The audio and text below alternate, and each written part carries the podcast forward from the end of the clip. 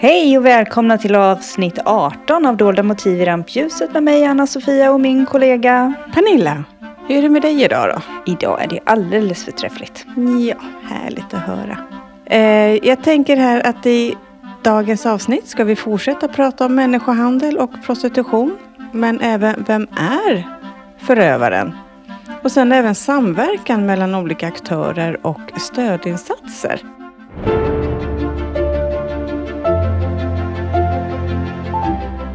Du lyssnar på Dolda motiv i rampljuset, en podd om våld i nära relationer, producerad av Eksjö kommun.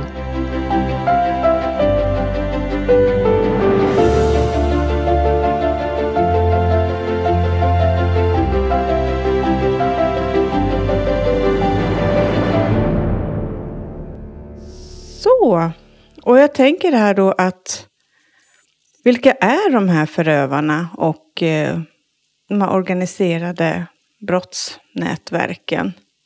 Eh, man kan säga att de här brottsliga grupperingarna som var ansvariga då för de här människohandelsbrott som uppdagades i Sverige under 2018, det är ju inte alls länge sedan, misstänktes då tillhöra organiserade nätverk i eh, offrens ursprungsländer.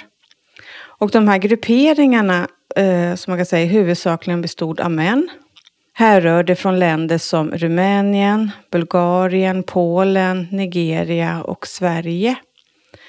Eh, och så det var skiftande etnisk bakgrund och eh, var ibland knutna till organiserad brottslighet men kunde också ingå i eh, familjebaserade sammanslutningar. Så eh, de flesta förövarna hade liksom, vad säga, vid avslöjande vistats längre eh, eller kortare tid i Sverige. Så man har ju som en koppling hit då. Mm. Och eh, hade ofta kontakter med personer med liknande bakgrund. Eh, men med permanent hemvist då i, i landet. Så att de här förövarna kan man säga att de behärskar ju både det svenska språket, eh, även engelska. Eh, men även har de också väldigt goda kunskaper om det svenska samhället. Så att de vet ju liksom hur det fungerar och jag tänker det är ju det de kan utnyttja också för de som eh, kommer hit då. Mm. Och jag tänker att de hade även kunskap om, om ursprungslandet, om mm, man säger. Mm, mm. eh, det var lätt att rekrytera offer. Mm, för de förstod mm, hur mm. behoven, hur utsatta de var kanske i mm. både den sociala situationen men rent ekonomiskt. Mm. Så att där blir det liksom kunskap både kring ursprungslandet men även då mm, Sverige som destinationsland. Vilket man, alltså det är otroligt mycket makt. Visst är det det. Visst är det, det. Eh, man kan säga att också att nedlagda förundersökningar visar också eh, att vissa personer som misstänktes för människohandelsbrott för sexuella ändamål även misstänktes utnyttja offren, kvinnor och flickor för eh, människohandel som vi pratade om i förra avsnittet. Mm. Eh, för andra ändamål, även så som till exempel tiggeri. Mm, mm. Eh, och man har ju även då tittat vidare kring det här med strukturen vad det gäller de kriminella nätverken. Mm. Och eh, jag vet att de gjorde någon punktinsats där och tittade på, på just det rumänska. Mm. Kan inte svara på varför det var just det. Men där beskriver man att det här är konstellationer med många lösa kontakter. Och som inte heller då eh, bestod av eh, en enskild individ. Mm. Och att de här konstellationerna ändrade sig över tid. Mm. Eh, man ägnar sig åt olika brottstyper samtidigt. Mm. Alltså man tittar på det här med, med man organiserar människohandel för sexuella ändamål eller mm. för tiggeri, eller en kombination mm. där, och mm. stöldbrottslighet. Utan det var, alltså verksamheten hade flera ben att stå på, om man ska uttrycka det så. Mm. Utan man mm. fokuserar inte bara på en sak, nej, utan nej, man, eh, man kör hela racet. I den här brottsliga verksamheten. Mm.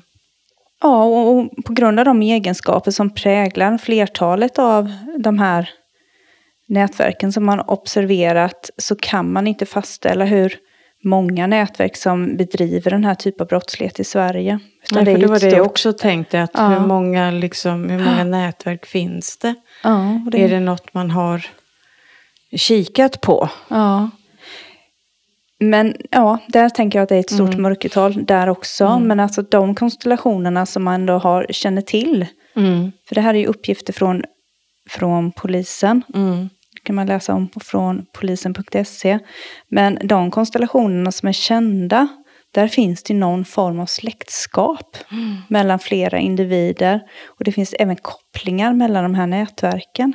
Och det här innebär ju då att många av de här medlemmarna i de olika nätverken kan stötta varandra med till exempel fordon, logi och förmedling mm. av andra kontakter. Mm. Och just de rumänska nätverkens kriminella struktur, mm. eller olika strukturer, bedöms göra det möjligt då för dem att vara flexibla. De anpassar sig mm. och eh, kan därmed också ja, ägna sig åt olika former av brottslighet samtidigt. Jo, för det, det är lite liksom man, när vi läste det här, liksom att man funderade på att det är klart det underlättar ju mycket när du är ifrån samma land. Mm. Eh, du vet även hur ditt eget land är uppbyggt. Mm. Du vet hur mm. du kan undvika mm. för att liksom bli eh, fast. Mm.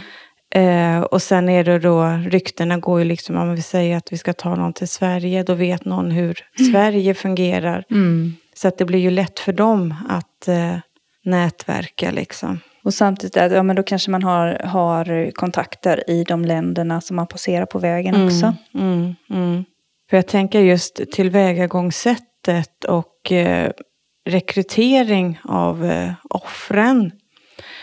Eh, då kan man också säga att den information då som inkom till den nationella eh, rapportören i frågor som rör människohandel under 2018 visar precis som tidigare år att människohandlare och hallickar utnyttjade offren socioekonomiska och individuella sårbarhet då för att få dem att lämna sina hemmiljöer. Och det är också även som vi nämnde i förra avsnittet att man Gå gärna på de samhället där de har kanske någon funktionsnedsättning eller är utsatta på något annat sätt. Eh, och de erbjöd även de här kvinnorna försörjningsmöjligheter som verkade då attraktiva. Eller åtminstone ansågs bättre än vad som erbjöds, eller erbjuder också, i eh, deras egna ursprungsland. Mm. Eh, eller i vissa fall initierade ett känslomässigt förhållande som kunde vara svårt för kvinnor att motstå då på grund av deras redan prekära situation. Så att en del kan även forma att de ska bli kära i dem. Mm. Och sen lovar de guld och gröna skogar att nu flyttar vi härifrån, mm. liksom, vi mm. ska mm. flytta till Sverige. Det är ett mm. jättebra och fint land och där kommer vi få ett bra liv. Mm. Eh, och det här kan göra då att de här kvinnorna blir ju då lojala mot förövarna och de får med dem på det sättet och kanske får med sig sin familj att gå med på detta. Mm. Men det här gör ju också svårare sen för kvinnorna att vittna mot sin förövare. Mm. Man kan också säga att eh, många av kvinnorna att de reste till Sverige efter att ha ingått även en överenskommelse med en rekryterare som de har fått kontakt med via kanske arbetsplatsannonser, mm. internet eller sociala medier, eh, Facebook, Instagram. Eh, de har även lokala rekryteringsagenturer eller personliga kontakter eh, inom familjen eller vänkretsen. Eh, så, så fort då kontakten etableras så är det vanligt att man väljer att kommunicera då på forum som inte kan övervakas eller kontrolleras. Så att, eh, och då kan de ha, som har, de använder den här WhatsApp-appen. Så att eh, de har ju liksom, de använder liksom så här pojkvänshallikar och eh, så att du får en känslomässig relation eller giftermål och ett bättre liv. Precis det som jag sa eh, tidigare då, för att binda dem.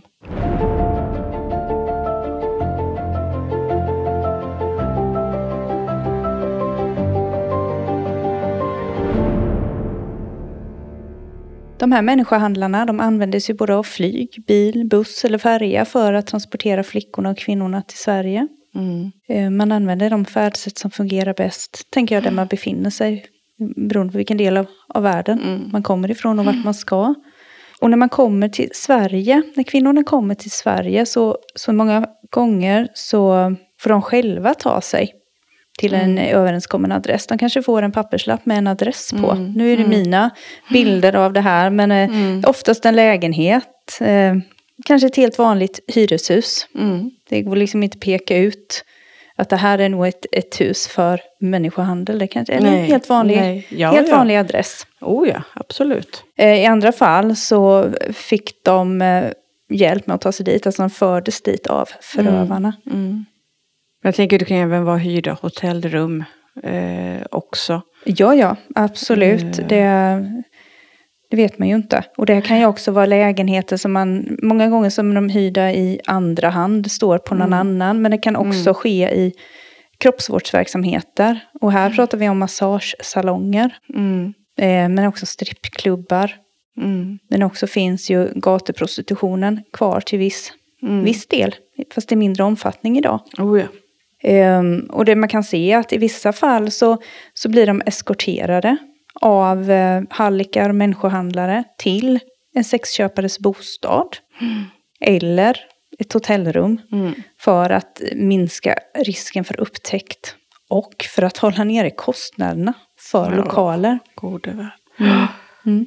Nej, men det, det, det, jag tycker det är fruktansvärt. Alltså, du kan ju tänka själv då som kvinna att du blir född mm i ett annat land, du kan inte språket, till en främmande lägenhet och då kanske du tror att där ska vi bo och då väntar det någon annan där mm. och så mm. försvinner sen den mm.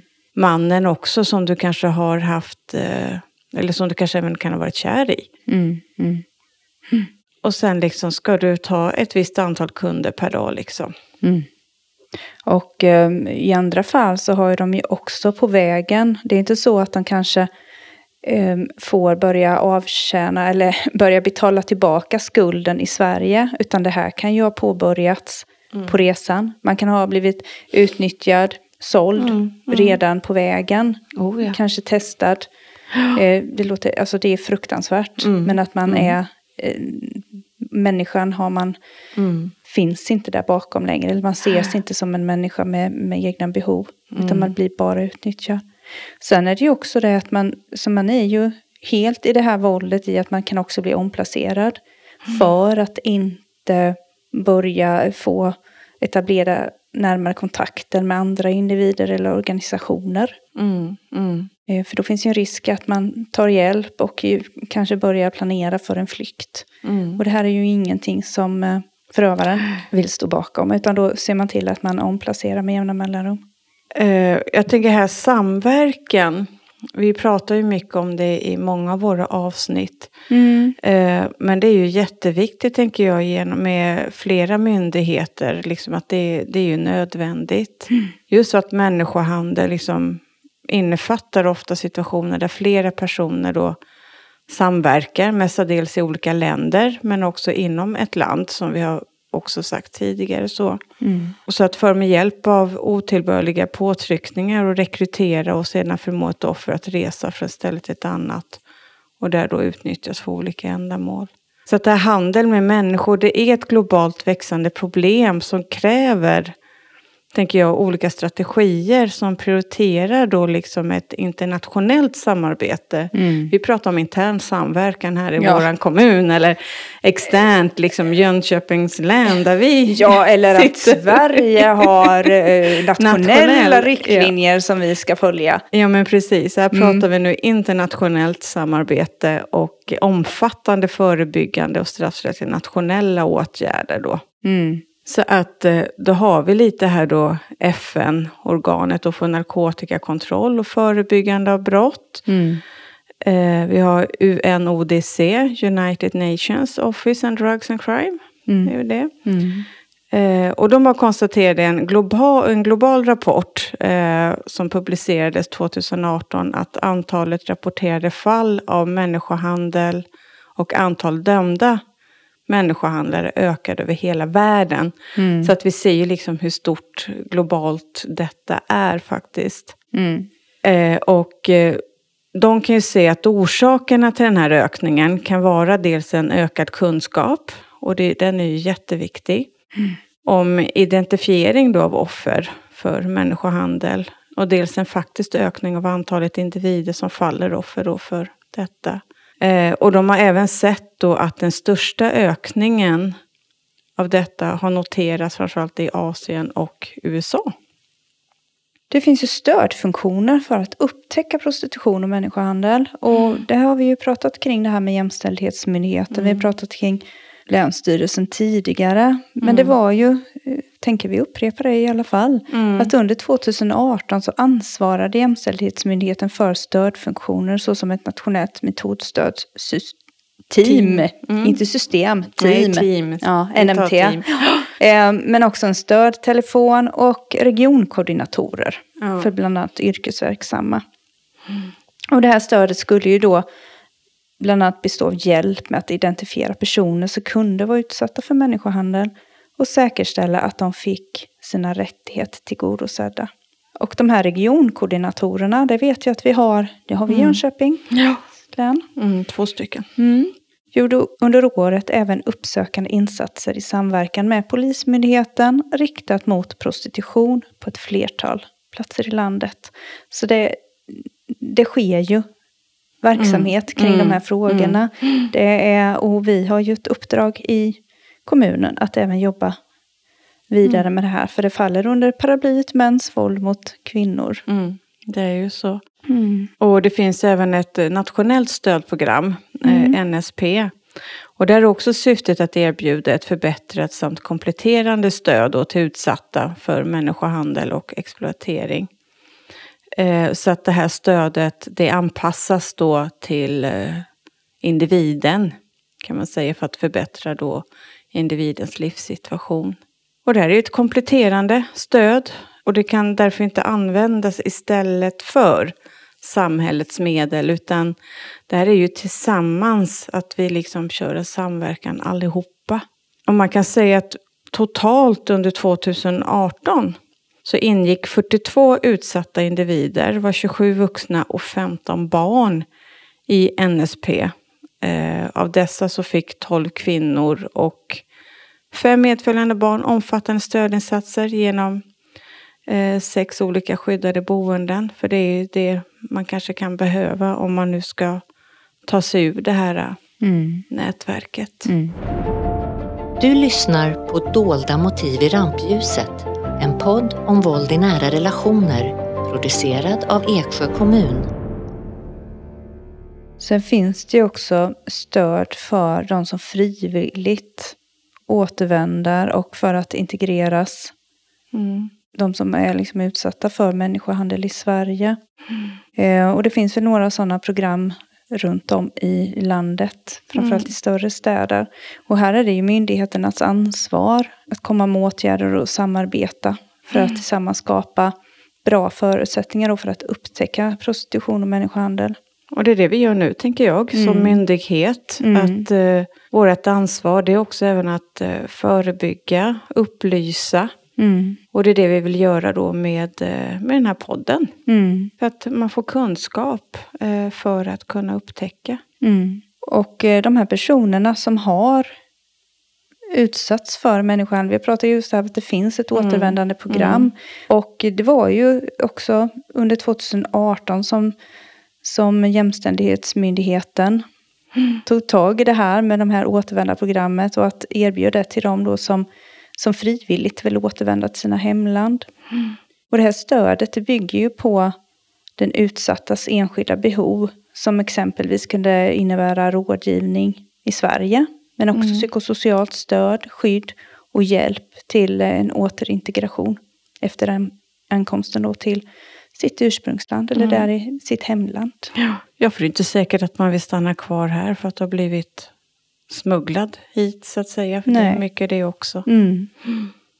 Men det finns en del utmaningar i det här också att mm. jobba med. Mm. Både för rättsvä rättsväsendet Mm. Men eh, ja, även för oss också inom socialtjänsten och i, i andra organisationer, tänker jag.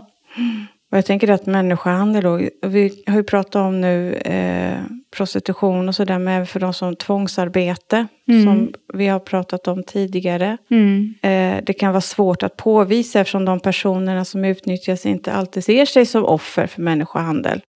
Eh, och även i de fall då polis och åklagare har misstankar om att de utsätts för dessa brott. Mm. Så att offren, de rör sig oftast fritt. Gör de. Mm. Eh, de är inte alltid inlåsta. Nej. Eh, men de är kontrollerade är de. Genom mm. exempelvis hot om våld eller genom att de fråntagit sina passhandlingar eller satt sig skuld då till de som organiserar den här verksamheten. Mm. För jag tänker, kommer du till Sverige och, och börjar jobba mm. eh, på ett företag så vet du kanske inte vad, hur, hur funkar det här med arbetstider och arbetsmiljölag och de delarna. Nej. Eh, du kan inte språket, Nej. du förstår inte vad som är brukligt i, i Sverige. Nej, du säger att du får din lilla lön mm. och den delar du med dig, kanske du har en familj hemma till exempel. Ja, ja. ja. Så arbetstagare från länder utanför EU som arbetar illegalt i Sverige hos oseriösa svenska arbetsgivare, de står ju under väldigt stor press eftersom den här illegala vistelsen kan avslöja för myndigheterna om arbetstagarna om de protesterar då över de här dåliga villkoren. Så att det mm. finns ju en, en mm. väldig rädsla där.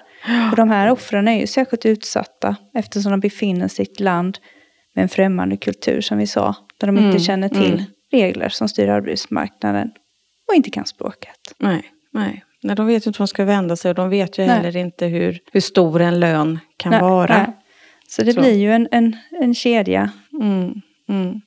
Och som jag säger, det kan också vara svårt att utreda i vilken utsträckning en person kan ha blivit utnyttjad. Mm. Eh, och om utnyttjandet är tillräckligt allvarligt för att ses som brottsligt under människohandelslagstiftningen eller om personen har vilseletts. Mm. Eh, så de, jag tycker det är de här offren, för de är ju verkligen ett offer, de blir utnyttjade. Ja. och vårt rättssystem kan inte kanske avgöra i vilken grad. Liksom. Mm. Eh, och när det gäller att utnyttja någons utsatta belägenhet ska personen i precis, precis, princip, jag kan inte prata här nu, förlåt.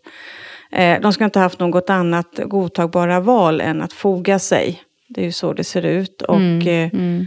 motsvarande bevisproblem finns även vid människohandel för sexuella ändamål. Mm. Och i de situationer finns det möjlighet att åtala förövarna för alternativa brott som koppleri och grovt koppleri. Mm. Det kanske är lättare att ta på det om man säger. Mm. Och ett liknande utrymme för alternativa brott vid människohandel för tvångsarbete finns ju nu numera i form av det nya brottet människoexploatering. Mm. Så att det finns ju. Ja, man utvecklar ju lagstiftningen för att man ska kunna göra mer. Ja, ja.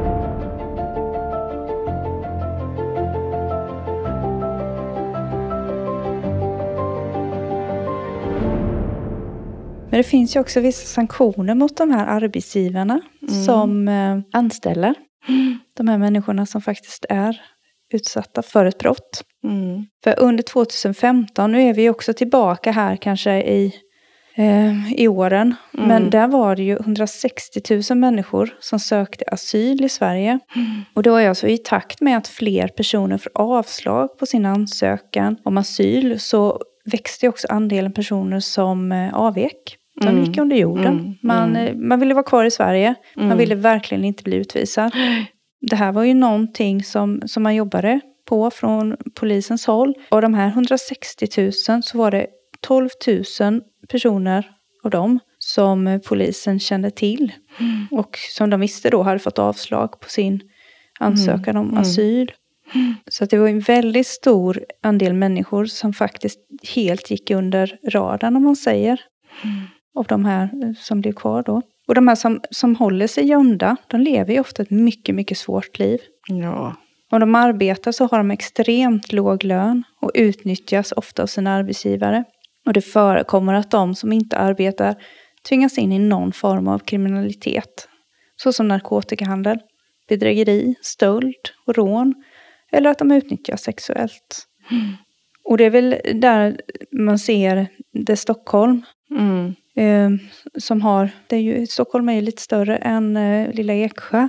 Ja, Men där varnar ju gränspolisen för att de här ensamkommande unga männen ja.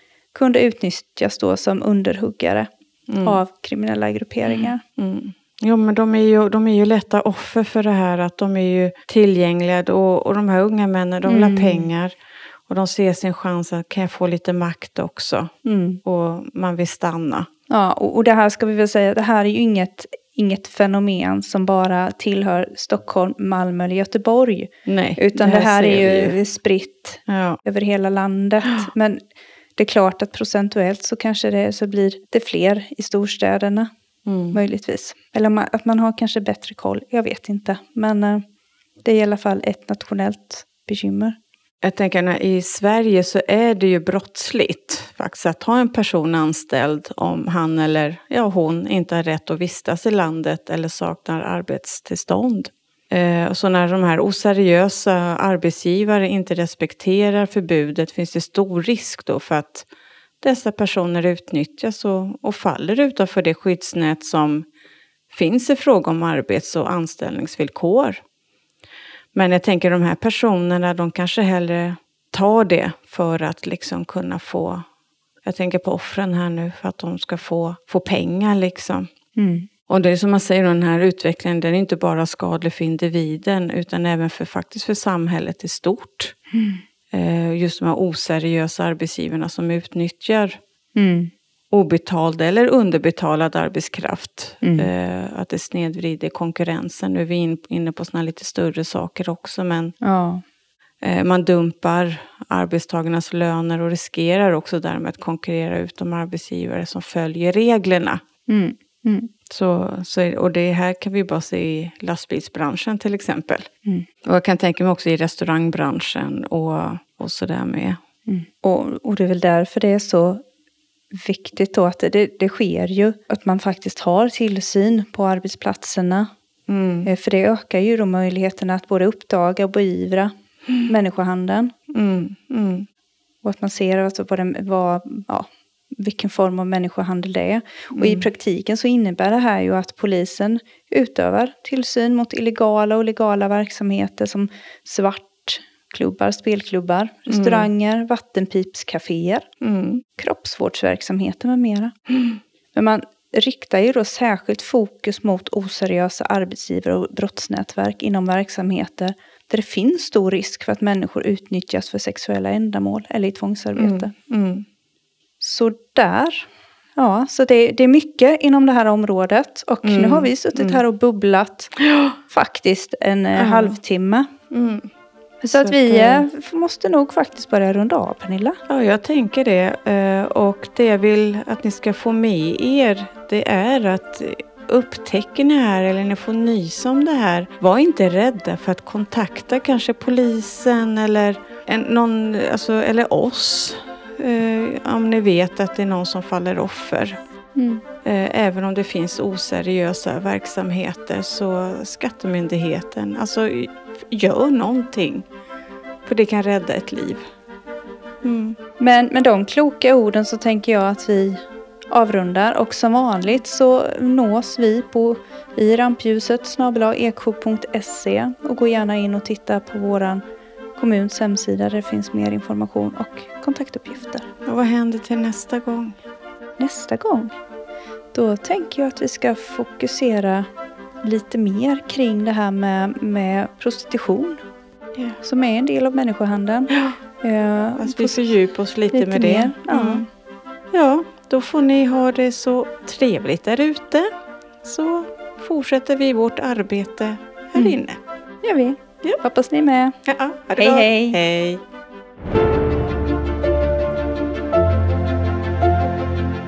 Du har lyssnat på Dolda motiv i rampljuset, en podd om våld i nära relationer producerad av Eksjö kommun.